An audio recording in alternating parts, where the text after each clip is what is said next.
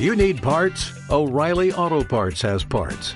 Need them fast? We've got fast. No matter what you need, we have thousands of professional parts people doing their part to make sure you have it. Product availability. Just one part that makes O'Reilly stand apart. The professional parts people. oh, oh, oh, O'Reilly Auto Parts.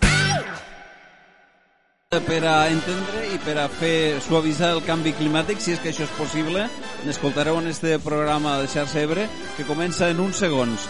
Aquí mateix, no us deixeu, xarxaebre.net. Sobretot recordeu el nostre punt d'entrada de, als tots els continguts de Xarxa Ebre.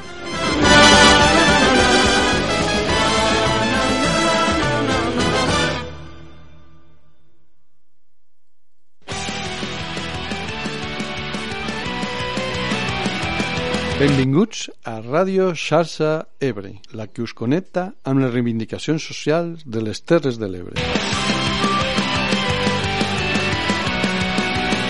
Aquí estem de nou per tratar tot el que ens preocupa amb la gent que se n'ocupa.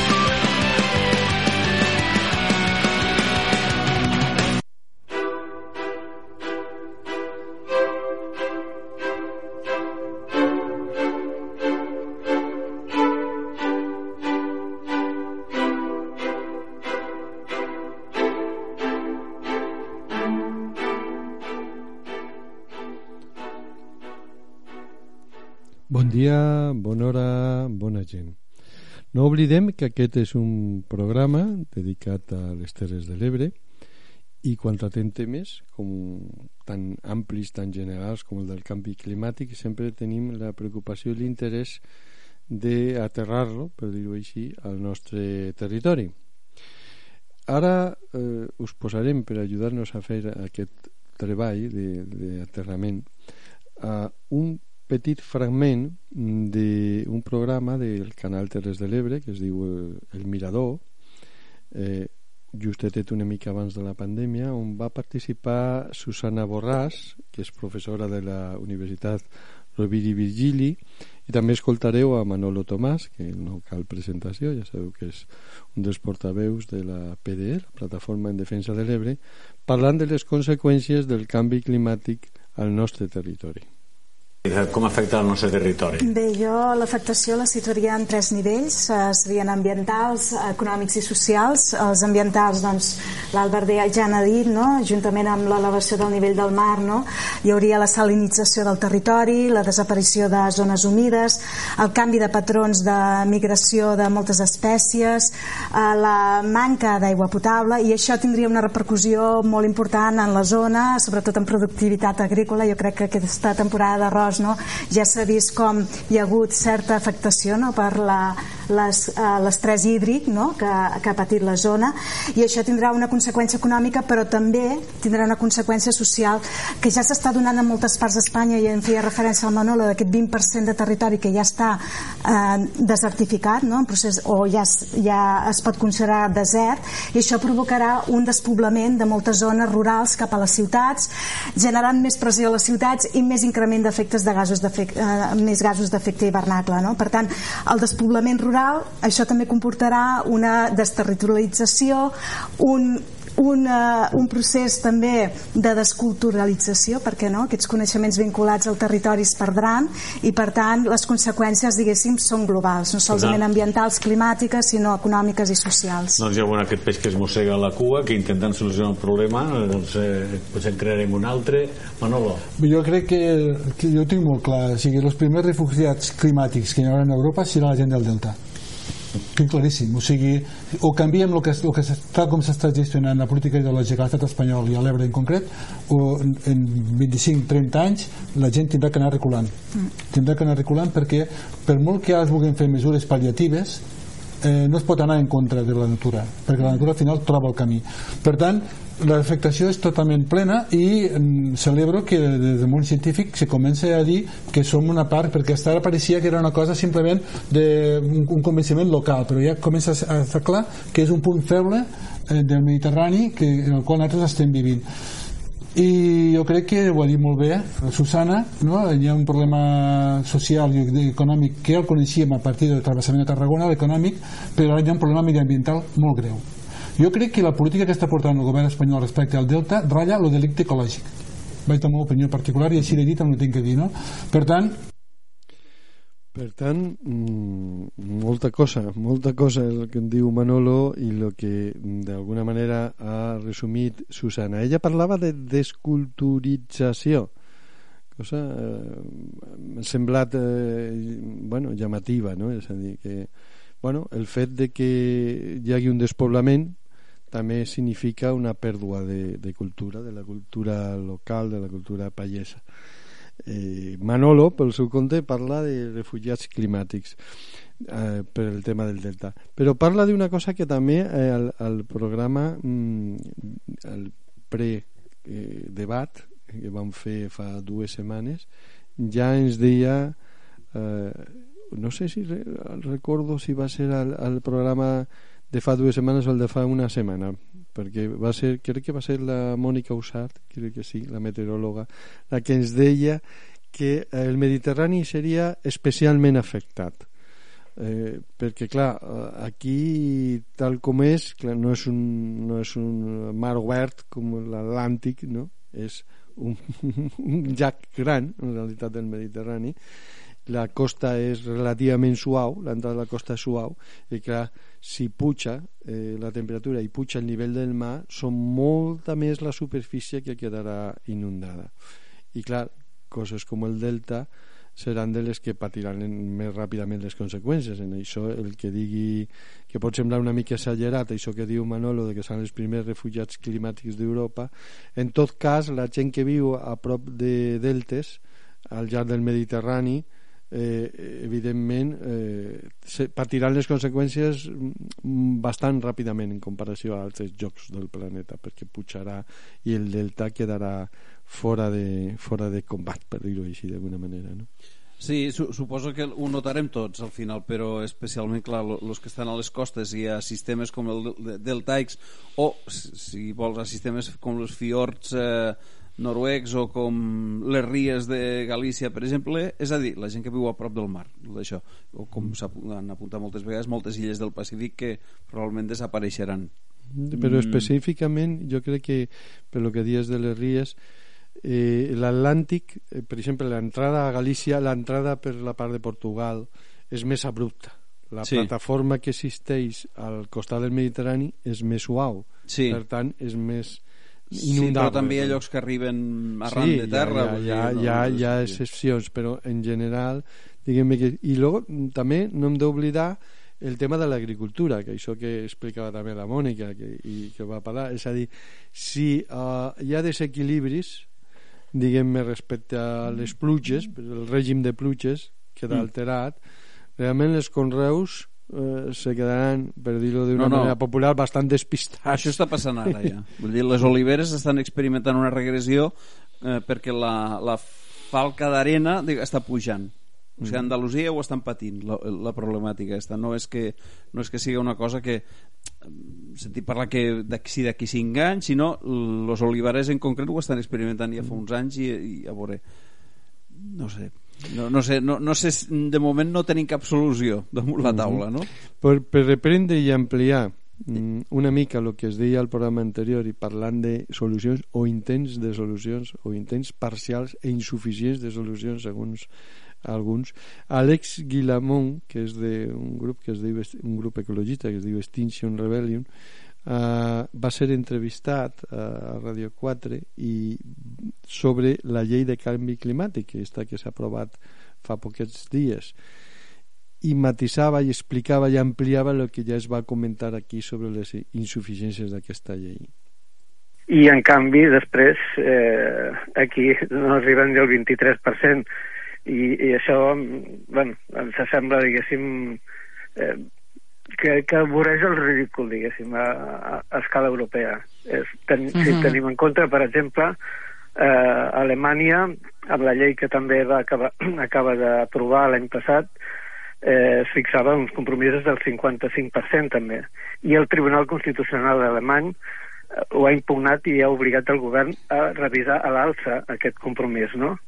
Aleshores, eh, és una xifra, el 23%, però és una xifra que marca és com la prova del cotó que marca, diguéssim, fins a, a quin, en quina intensitat i, i a quina manera vol treballar el, el govern eh, aquest horitzó de reducció d'emissions. No? Una altra de les coses que planteja, per exemple, la llei és que segueix permetent l'ús del gas en el transport sense cap limitació i segueix mantenint, eh, diguéssim, la, les subvencions als, als combustibles fòssils, no?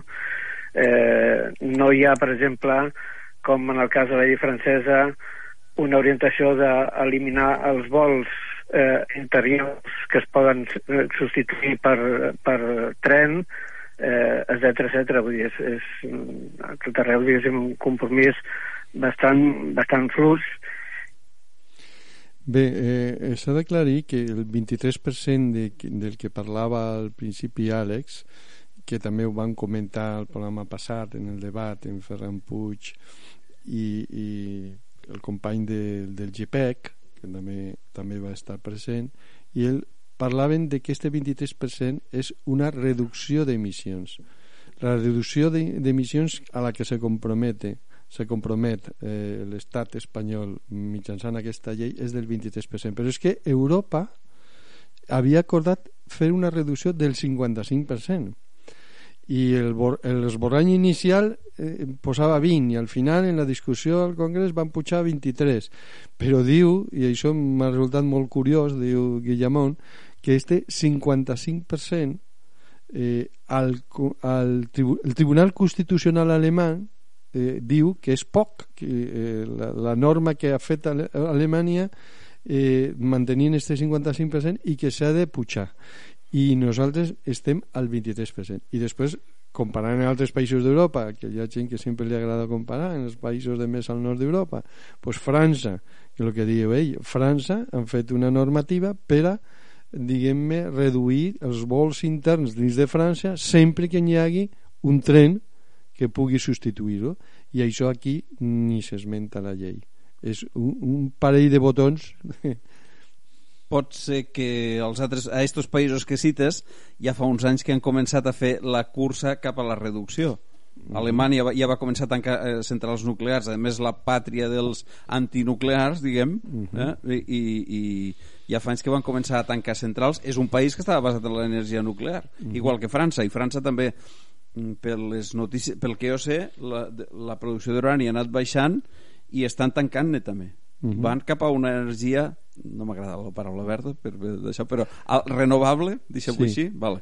una altra, un altre tipus d'alternativa i aquí com a que l'altre dia llegia que de fet de moment no volen tancar les nuclears sinó que mantenir-les en marxa perquè ara sortien les centrals nuclears de quarta generació que en teoria aprofiten més el combustible nuclear mm. Este és un tema... Aquí ho deixo. Sí, sí, perquè este és un tema... Ah, fa un momentet entre nosaltres, sí. a la que preparàvem el programa, comentàvem el petit debat, perquè evidentment els nostres eh, convidats del programa anterior eh, estaven molt d'acord en gairebé tot, però un petit punt en el que discrepaven, el Ferran, des del punt de vista de l'enginyeria, parlava de que la petita escala a nivell d'energia tenia problemes tècnics, mm. que era millor anar cap a la mitjana escala. Sí. En canvi, el company del GPEC sí que, sí que parlava de la petita escala, que és un, una reivindicació ensalçada, que és una reivindicació del món ecologista.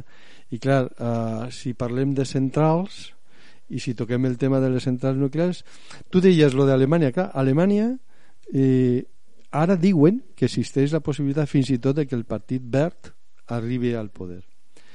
I fins i tot eh? sí, sí, sí, es diu que té, que té possibilitats que està pujant molt. Vos hi podem jugar un sopar que arribarà però pactant.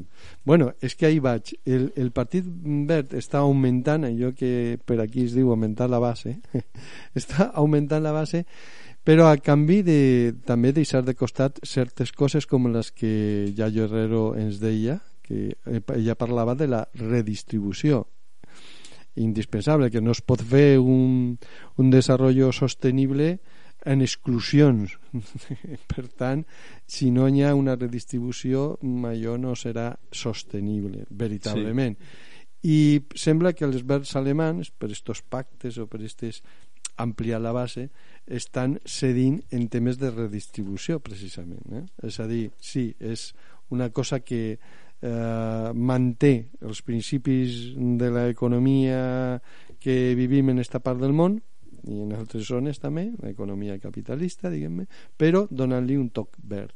Hi ha persones, com per exemple Yayo, però també eh, Turiel, per exemple, i més gent, que diuen escolteu, és que si no canviem els principis en el que està mm. organitzada mm. la societat de, econòmicament, eh, lo, del, lo del verd serà un maquillatge. Sí. A veure, si estan basats, la, la societat està basada en un capitalisme més o menys fort, depenent del país que, on estem, i ho està, si no canviem este, esta manera de procedir, que és bàsicament a base de no sé, de vendre electricitat a altres països eh, i, pro, i grans centrals, no sé fins a quin punt poguessin fer aquest sistema distribuït, que la part tècnica, tu dius, la, tu dius no, eh, mos dia Ferran que, i tu el citaves sobre la qüestió esta tècnica però el, uh -huh. el problema no és tècnic, és polític uh -huh.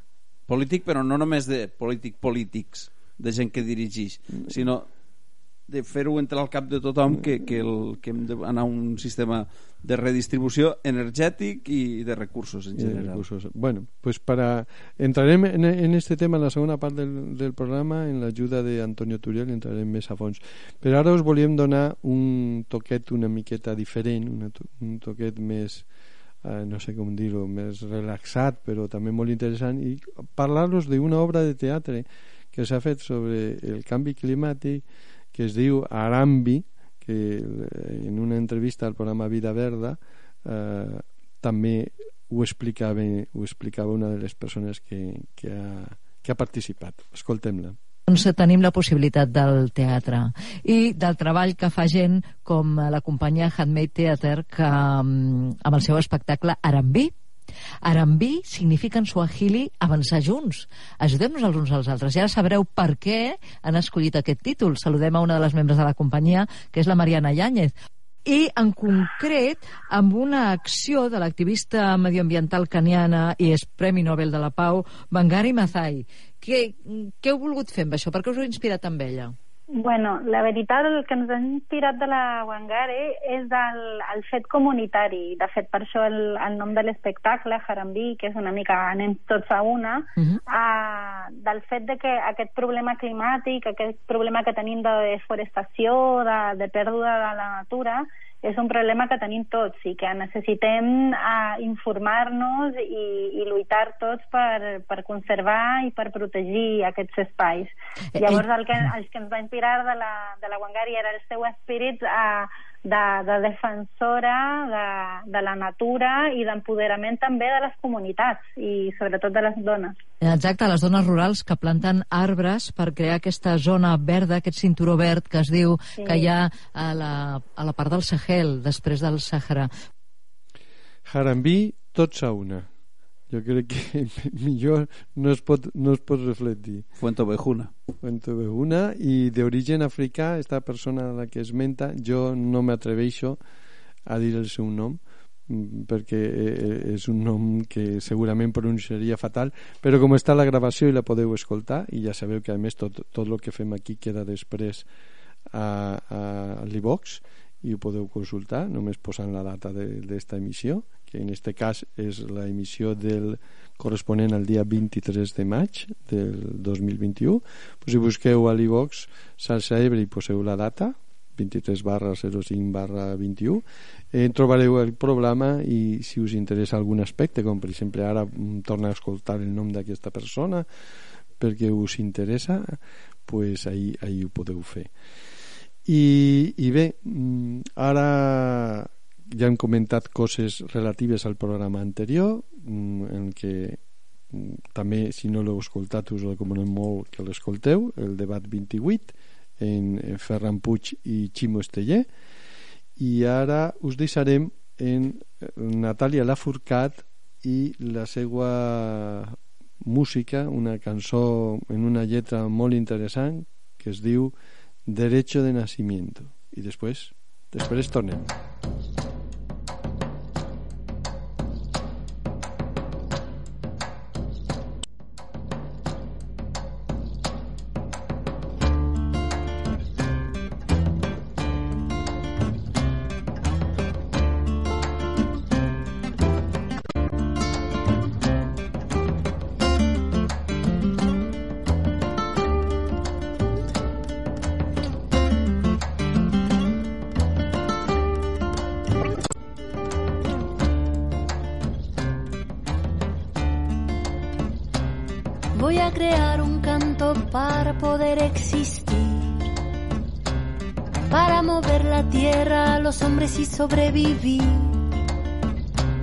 Para curar mi corazón a la mente, dejarla fluir. Para el espíritu elevar y dejarlo llegar al fin. Yo no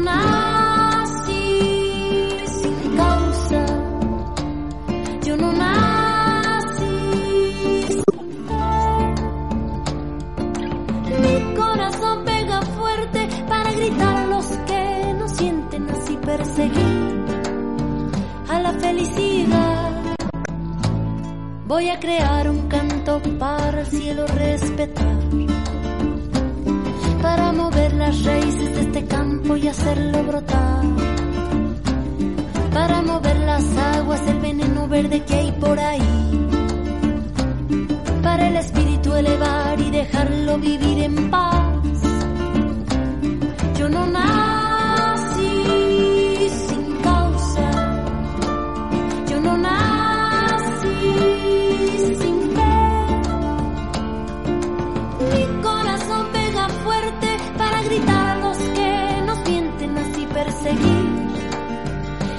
felicidad y así perseguir a la felicidad que es un derecho de nacimiento, es el motor de nuestro movimiento, porque reclamo libertad de pensamiento, si no la pido es porque estoy muriendo, es un derecho de nacimiento, mirar los frutos que dejan los sueños, en una sola voz y un sentimiento, este grito limpie nuestro viento, voy a crear un canto para poder exigir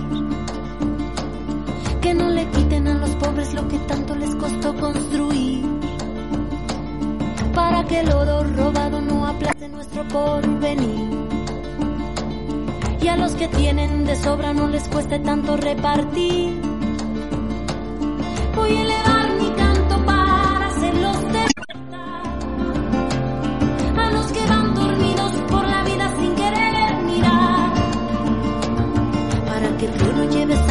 flores y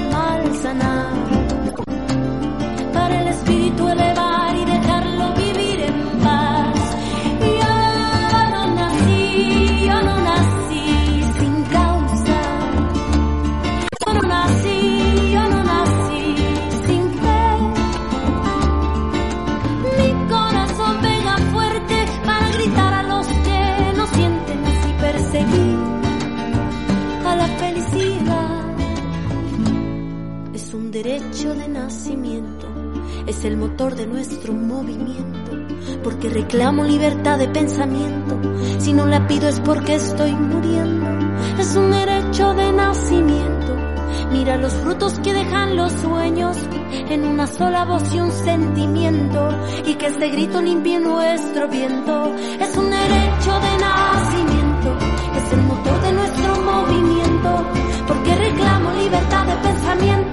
Si no la pido es porque estoy muriendo. Es un derecho de nacimiento. Mira los frutos que dejan los sueños en una sola voz y un sentimiento y que este grito limpie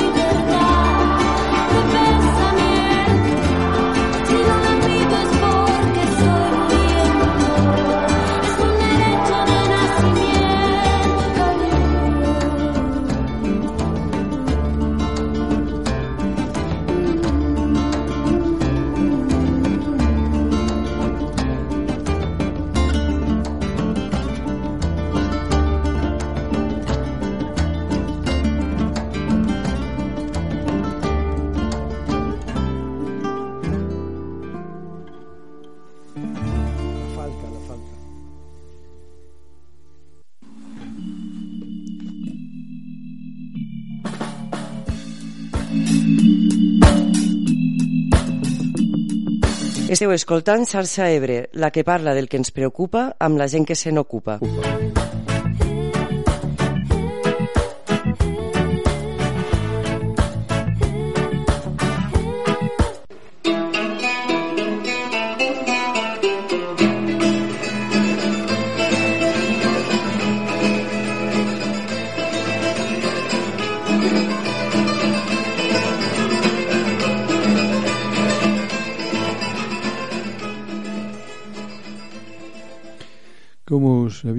anunciat, aquesta segona part la farem en l'ajuda d'Antonio Turiel, en concret de fragments d'una entrevista que li va fer Josep Caballol al programa d'emergència climàtica, bueno, més concretament Via Verda, emergència climàtica, de Ràdio 4 i va explicar moltes coses interessants qui vulgui pot anar a la web d'aquest programa i escoltar sencer l'entrevista que val la pena però aquí eh, farem esment d'algunes que tenen relació amb el que hem vingut parlant. Ara mm, mm, escolteu estos tres minuts que us passarem a continuació on eh, Turiel explica que la solució de, famosa del cotxe elèctric i tot això no és tan eh, no és tan bona com sembla perquè al final tot això necessita uns materials que no són renovables és a dir, necessita liti necessita cobalt necessita una sèrie i al final acabarà sent per a una minoria perquè no podrà haver cotxes elèctrics en la, en la mateixa quantitat que ara n'hi ha eh, altres tipus de cotxes no? és a dir eh, ell en dades fonamentades sempre insisteix en que se necessita un canvi de model seriós per afrontar tot això escoltem-lo i després ho comentem sembla que no hi ha substituts per líquid, ni pel, per níquel, ni pel cobalt, ni pel liti, ni pel manganès, ni, ni per un munt d'altres coses que es necessiten, no?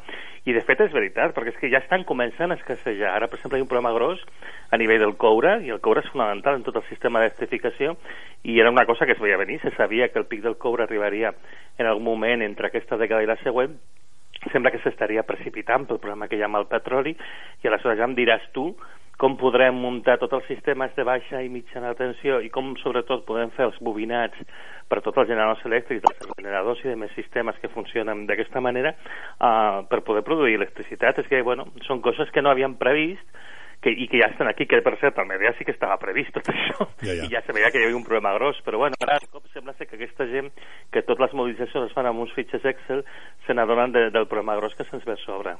I, I està clar que, que no tenen en compte les persones, com deia, perquè ah, no. una, de la, una de les coses que queda evident és que quan tu dius acaparar, acumular, vol dir anar en els països productors i agafar aquest producte. Això se li diu neocolonialisme si li volem posar la paraula neo per davant. Bueno, i per la força si és precís, eh? Jo fa uns anys, perquè és que això em consta, jo sé que, bueno, això m'ho va dir un, un polític català d'alt nivell, a, a la Unió Europea s'estava plantejant la guerra com un mitjà per assegurar-se el subministrament de certes matèries crítiques i estic segur que aquesta idea a nivell de la Comissió Europea no ha desaparegut. O sigui que sí, sí, si, si, si és necessari mano militar, eh, és evident Sí, sí, però el mateix general, el, el, cap, el cap del comandament de l'exèrcit dels Estats Units, eh, general Mills, em sembla que es diu, estic parlant de memòria, ho deia amb l'informe que va encarregar, no? que l'exèrcit s'havia de desplegar als Estats Units a nivell interior per a garantir les infraestructures i a nivell internacional per a garantir doncs, que determinats països i determinats no se n'anessin de mare, és a dir, que poguessin garantir el subministrament que necessiten aquests països. Però això, en aquests moments, i a mi em sap molt de greu dir-ho, també s'està produint en l'interior amb la reobertura de mines. Perquè precisament jo la setmana passada en aquest mateix programa parlàvem amb, amb persones que estan encapçalant doncs, aquestes lluites eh, contra la reobertura de mines sense tenir en compte cap combinació per la gent que, que viu en determinats territoris i parlant de canyameros, precisament, doncs des de l'any 29, en aquesta zona, en aquest territori, doncs hi ha tot un procés d'explotació del camp, o millor dit, de, de conreu, en el qual doncs, eh, es va fer precisament per a garantir el desenvolupament, i aquest desenvolupament a Canyameros encara es manté a través d'aquesta espècie de, de terrenys comunitaris, no? I ara la mina ho destrossa i s'ho menja tot. Vull dir que no importa per recollir quatre engrunes i per poder especular, doncs les persones reben. El més trist de tot això és que si tu mires els projectes d'explotació de les diverses mines que s'estan plantejant a nivell d'Espanya, per exemple la de Liti de Càceres, la d'Urania Salamanca, la de Terra Rares a Ciutat Real i demés, les quantitats que hi ha són absolutament men menyspreables, eh? per unes quantitats ridícules que no són útils ni tan, ni tan sols a nivell d'Espanya, no? Per això també t'està donant una idea del grau de desesperació dels temes que realment és anar a buscar i extreure com sigui les últimes engrunes, però que realment són aquestes que queden enganxades a les ungles dels dits, que és que ja no valen per res, i en aquest desesperat intent de, de mantenir un sistema que no pot continuar. Aquí está la, la clau de la qüestió, en esta frase final, després de tot el que ha vingut mm, fonamentant i hem vingut comentant entre Cavallol i Turiel, un sistema que no pot continuar però que desesperadament busca com sigui, fins i tot en la guerra, si és necessari, i si consideren ells que és necessària, per poder eh, eh, bueno, extraure els materials que els pugui mantenir el sistema un, un, un temps més. A mi m'ha cridat molt l'atenció i crec que és una cosa molt interessant que també voldria comentar-la i no voldria que se'm passés que existeix un, una pàgina web on que la podeu consultar fàcilment posant justícia, atlas de justícia ambiental que t'explica a nivell de tot el món com està el tema, com està el tema de les, de les mines que s'estan fent, de les barbaritats, per dir-ho clarament, que s'estan fent de, eh, a, tot, a tot el món per aquesta, per aquesta qüestió.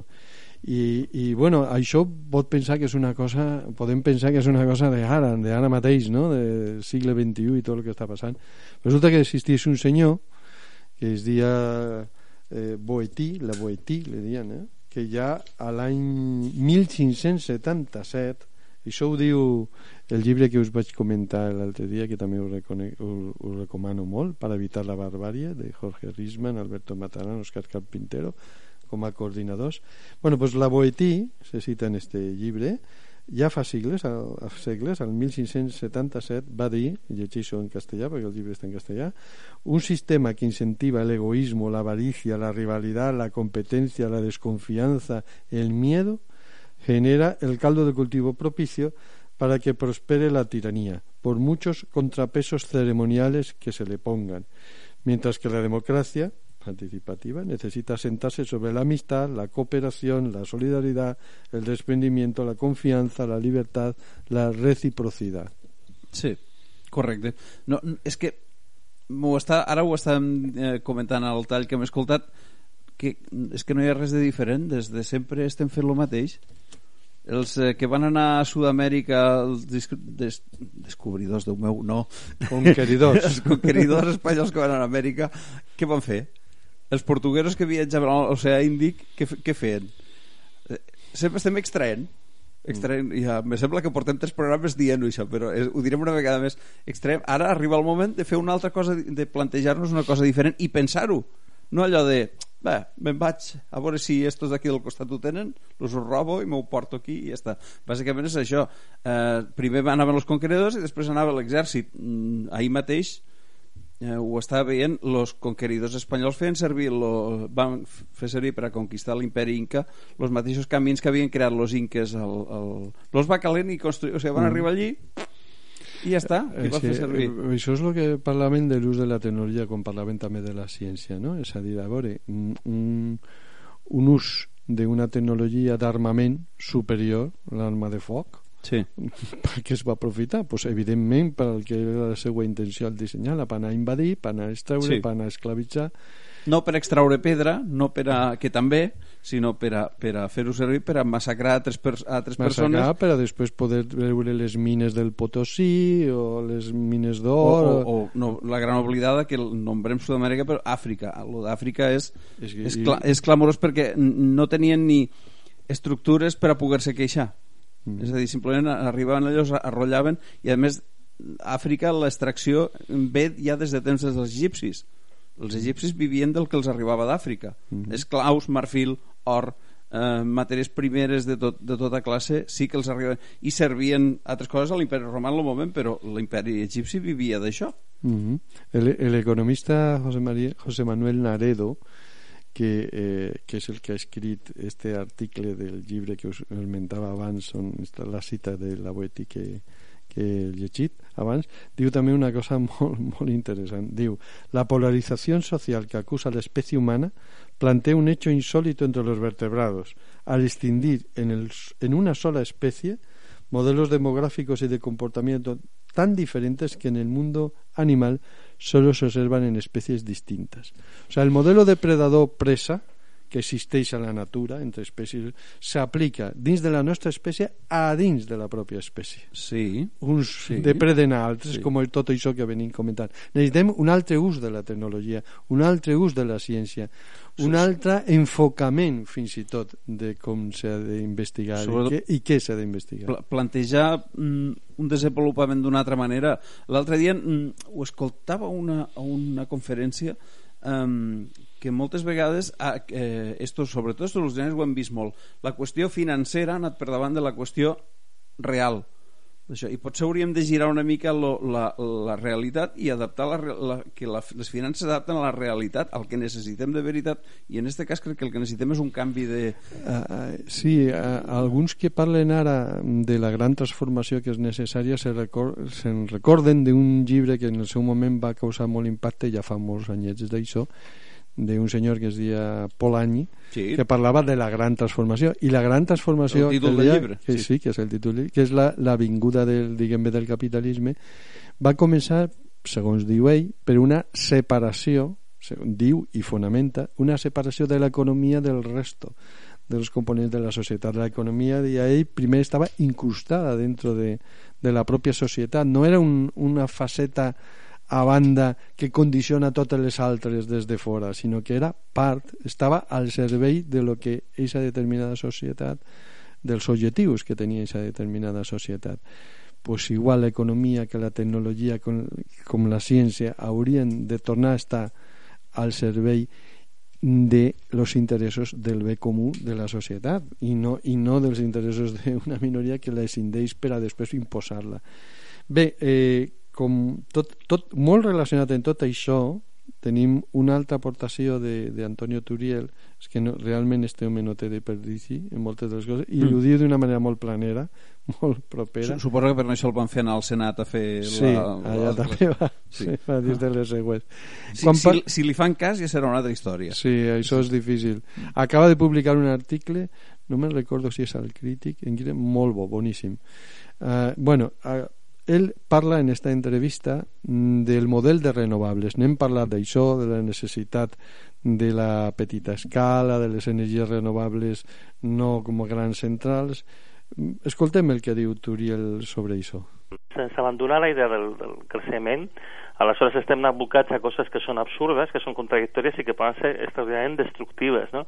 I jo crec que el territori ho han entès, i per això hi ha molt d'oposició a aquests grans projectes, i jo crec que està faltant aquest discurs alternatiu de volem una renovable no elèctrica, volem una renovable de proximitat, una renovable que atengui realment les necessitats locals, que adreci la, la producció local, que generi riquesa a nivell local, però una riquesa continguda, no una riquesa creixent, sinó una que realment doni vida i que a més sigui, sigui ecològicament compatible amb el territori, que no degradi les condicions ambientals, que no requereixi de molts materials que vinguin de fora i que realment sigui veritablement uh, sostenible, no?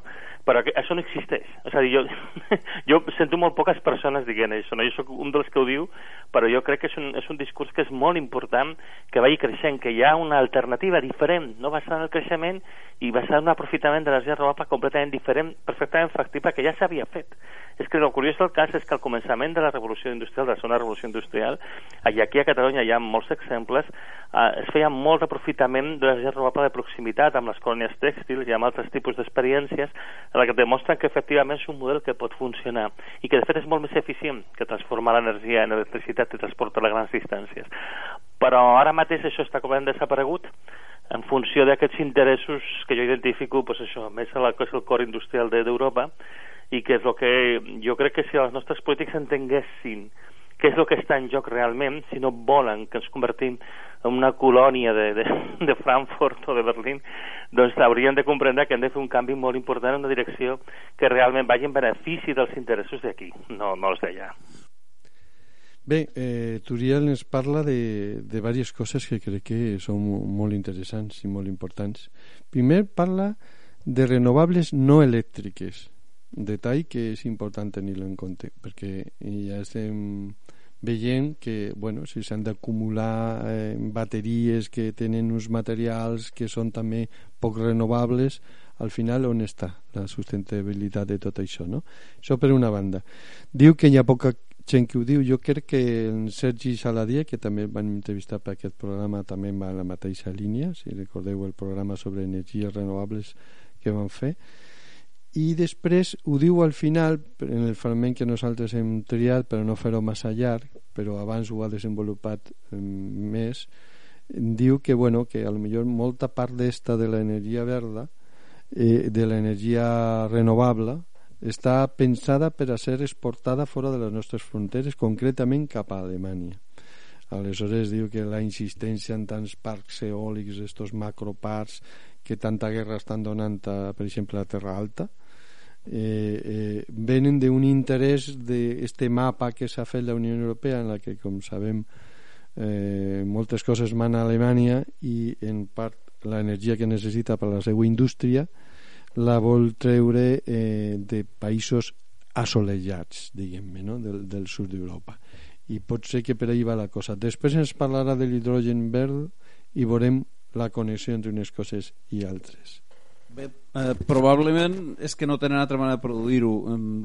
Dir-li hidrogen verd suposo en aquestes tecnologies estem al de sempre gas natural val? Si, si algú no entén el xiste que mire un dels nostres programes el dedicat a, a veure si me recordo al Castor, concretament uh -huh. on, se, on eh, de, parlàvem d'això de l'acudit de dir gas natural en este uh -huh. gas um, i així és un dels primers programes eh? no us pergueu la referència però uh, probablement no té altra manera de produir-ho s'haurà de produir una idea seria uh, fer servir si necessiten realment estos parcs macroparcs per a produir aquesta energia, que serà probablement un procés de transició cap a altres energies més, més netes, esperem, desitgem i, i que procuren fer-ho, eh, seria gran, tindre estos macroparcs no tants, potser no són, són necessaris tants, llavors tenir l'electrificació de petita escala per a garantir que tothom a casa tingui la seva electrificació per a poder... Eh, és a dir, com a crear dos sistemes perquè és que no hi ha moltes maneres més de produir aquest hidrogen. Eh... Bueno, el que passa és que eh, falta veure si eh, el, el sistema este d'energies eh, renovables a lo gran, diguem sí. combinades en, en l'hidrogen verd, és un sistema per a exportar, per a exportar que en el fons refleja, bueno, el que deia també Caballol fa un moment, un, sí. cert, un cert neocolonialisme també, eh? Sí. És a dir, produir per nosaltres si... Bueno, hi ha gent aquí que en la planta que se vol fer, crec que és a Mora d'Ebre, per mm. aquella zona, a Mora, eh, està molt il·lusionada perquè cada vegada que, que es parla d'una cosa d'estes pues, bueno, pues són jocs de treball possibilitat de desenvolupament, desenvolupament industrial, etc etc.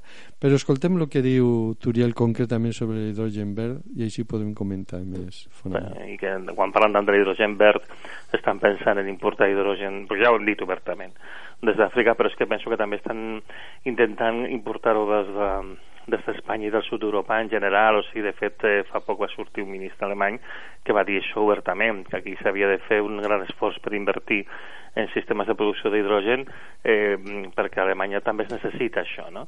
I aleshores jo crec que eh, tenim aquest problema de que qui està dominant ara mateix els designis polítics d'Europa. Té una idea molt clara de què és el que cal mantenir i aleshores el seu model passa en el, en el curt termini de que els països més assolejats que tindrien una gran capacitat de producció d'hidrogen, o això és el que ells calculen, no? que també caldria veure si els números estan ben fets, però bueno, um, serveixi per apuntar la, la matriu industrial alemanya mentre la resta d'Europa se'n va empobrint i això afavoreix que anem en aquesta direcció perquè hi ha gent molt potent, ja com dic, a nivell de les institucions europees i sobretot Alemanya que, que empenyen en aquesta direcció i jo crec que aquí la nostra classe política no està entenent no està entenent. La nostra classe política o sí que ho està entenent. Sí que ho està entenent. I, i ho està fent en tota, en tota la consciència. Bé, eh, nosaltres eh, creiem que este toc d'alerta que ens fa Antonio Turiel no, no l'hem de deixar de banda. Ho hem de tenir en compte.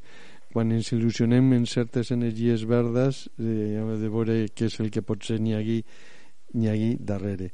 Parla també Turiel d'unes qüestions eh, relacionades en l'agricultura eh, i, i, en, bueno, i en el si arriba a produir-se el col·lapse, diguem-ne, el terrabastrai que significarà i que després, quan puguem reaccionar, potser sigui una mica tard, perquè hi ha moltes coses que han anat eh, en orris. Escoltem-lo, si, Sí. I a mi el que em preocupa és que per quan ja sigui evident que no podrem continuar amb aquests projectes megalomaníacs, que hem de fer coses més de proximitat i de més, la destrossa que hem pogut fer. Perquè això seran uns anys molt crítics els que farem les coses a cuita corrents de manera molt agitada, amb poc respecte al territori, poc respecte a les persones i poc respecte a les coses que realment sustenten la vida, eh, que les necessitarem acte seguit.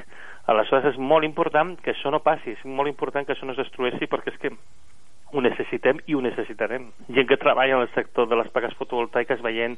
Ara mateix s'està produint un escanyament de, de subministrament, són colls d'ampolla molt bèsties.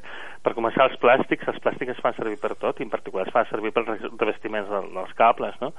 Um, aquest és un problema que ja ve des de l'any 2017 i que està molt associat a l'escassedat de petroli que ja està començant. No? El pic del petroli va ser el 2018 i únicament s'està greujant i a més a més bueno, el fracking que ha servit una mica per dissimular el problema dona un petroli de molt baixa qualitat que no serveix, per exemple, per fer alguns tipus de plàstics i coses així. No? Um, però s'està alineant amb l'escassedat del coure, l'escassedat de l'acer laminat, l'escassedat de, de, de l'alumini fins i tot, que és un material abundant però que res molta energia, eh, eh, amb l'escassedat de microchips, i ara s'estan afegint tota una sèrie d'escassedats i a mi gent que treballa en el sector d'instal·lació de, de, de plaques fotovoltaiques m'està explicant que, bueno, que s'estan ajornant els terminis d'entrega i que fins i tot s'està parlant que al setembre podria haver una ruptura d'estoc, que podria haver un problema d'interrupció del subministrament que en principi s'espera que no sigui indefinit, òbviament, però que ja de crear una ona de xoc en aquell moment. I això crec que passarà moltes coses a la vegada. O sigui, tenim un primer susto, un primer infart, si vols, ara, abans de que acabi l'any. I després veurem com reaccionem davant d'això, però aquest primer susto és un primer avís. Després, el que tindrem és una successió d'això fins que al final es vegi que sigui completament inviable. Per això, la resistència d'aquests anys, aquests macrosistemes, és fonamental, perquè hem d'evitar que es faci una destrossa que després sigui reparable. Aquí està la clau. És a dir, si en la primera investida, diguem-ne, no, no aconseguim preservar certes maneres de, de relacionar-nos, certes maneres de produir aliments, certes maneres d'aconseguir energies i tot això queda arrasat per el caos inicial. Després quan, quan siguem més conscients de que ho necessitem potser ja no ho tindrem. Per tant la, la lluita d'aquests anys per a preservar això eh, esdeveneix fonamental Bé, si una manera seria dissenyar sistemes, també ho hem parlat al programa, a diversos programes, sistemes que, més petits, ho parlàvem al programa anterior, al debat. Eh, un exemple, ja que estava avançant l'imperi Inca, és Machu Picchu. Uh mhm. -huh. Machu Picchu eh, eh, és que miro documentals saps? per a no. documentar-me això. Machu Picchu m'he dit 530 metres d'ample i 230-240 de, de llarg o al revés de, vale? um, la meitat de Machu Picchu és po, eh, poblat la, poble, diguem edificacions de pedra d'aquells que construïen els inques ben encaixades eh, resistents als terratrèmols i l'altra meitat és camp cultivable de manera que és una comunitat autosostinguda ja sé que està a 2.400 metres és molt difícil arribar i està pensat per estar aïllat però eh, eh, comunitats connectades connectades entre elles, però que a més tinguessin capacitat de, de, de produir aliments, d'energia, i que no calgués aquestes xarxes de transports tan enormes, serien lo ideal. Mm. Sí, sí, hi ha gent que mm, s'esgarrifa una mica quan se plantegen aquestes coses perquè el sembla com un, com un retrocés. I, bueno... Eh, eh, Afegir una cosa més, Vicent, perdona. Eh, connectades en bon transport públic. Sí. Que és una altra de les coses que No hi ha manera. Jo, jo sóc dels que no penso que això sigui cap endarreriment. Simplement és una correcció d'un rumb que ens ha portat en una direcció massa lluny i que realment hem de dir, escolta, escolta, que per aquí anem cap al desastre, hem de, hem de girar mm. i, i aprendre del passat no idealitzo massa el tema dels inques perquè eren un imperi també bastant, bastant duret ell, bastant duret però bueno, és veritat que tenien coses comunitàries tots els imperis sí, ja quan li poses imperi davant vol dir sí, que hi ha bastó sí, pel mig eh? sí.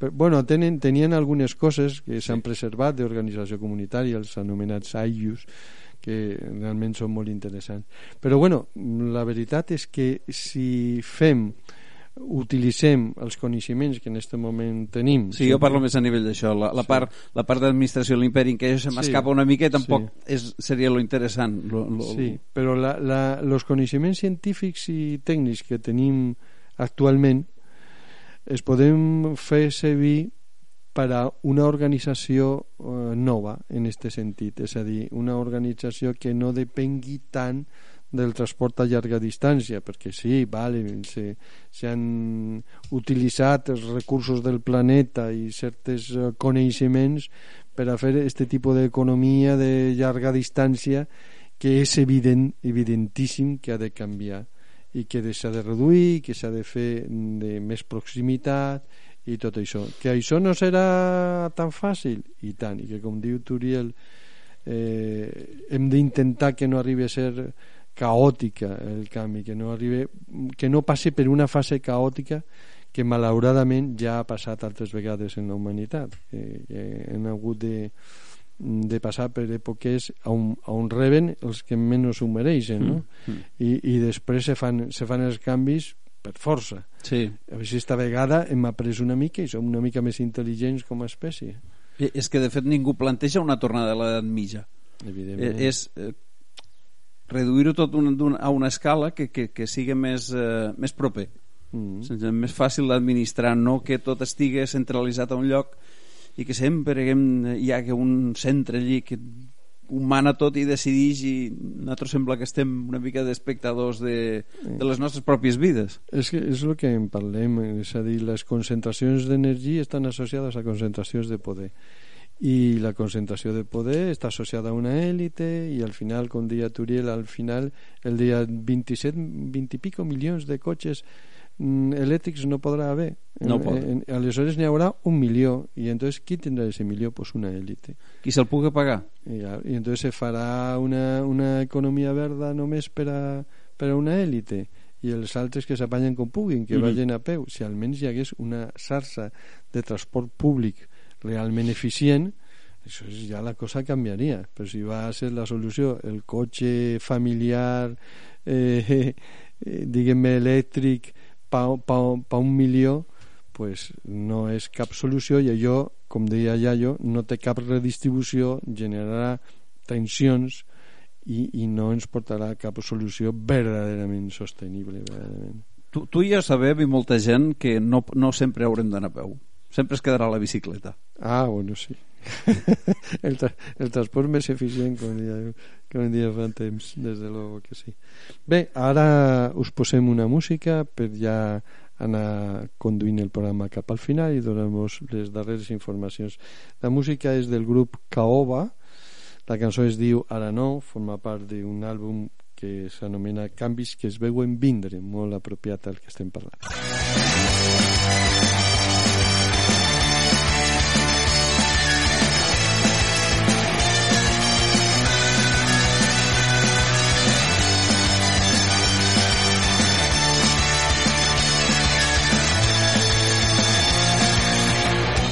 Quan et trobes sol i indefens, espera tindre força per respondre.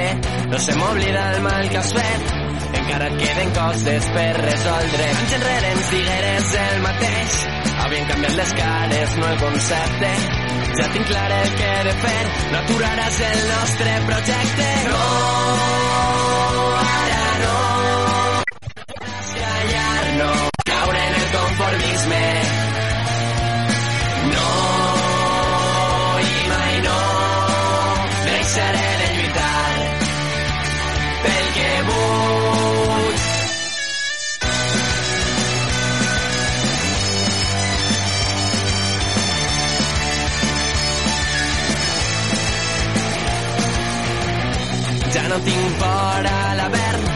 Sóc conscient, no hi ha res a perdre.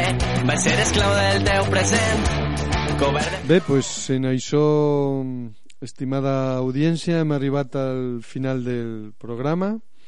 El proper programa, és, en este programa tanquem, diguem, els tres que hem dedicat al, al canvi climàtic, en el del mig, en el debat i el, diguem, preparatori i este posterior.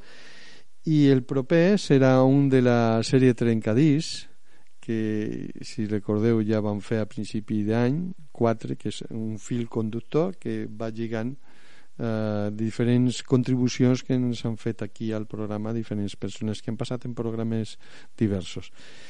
I serà el número 5 d'aquesta sèrie que també podeu seguir per, per l'Ivox si esteu interessats. I no res ens veiem el proper diumenge ens escoltem, salut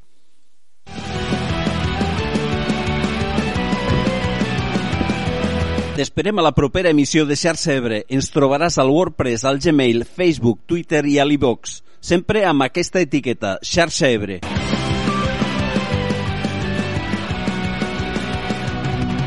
No oblides subscriure't, sabràs les dates i els convidats dels propers programes. Fins aviat, seguim fent xarxa.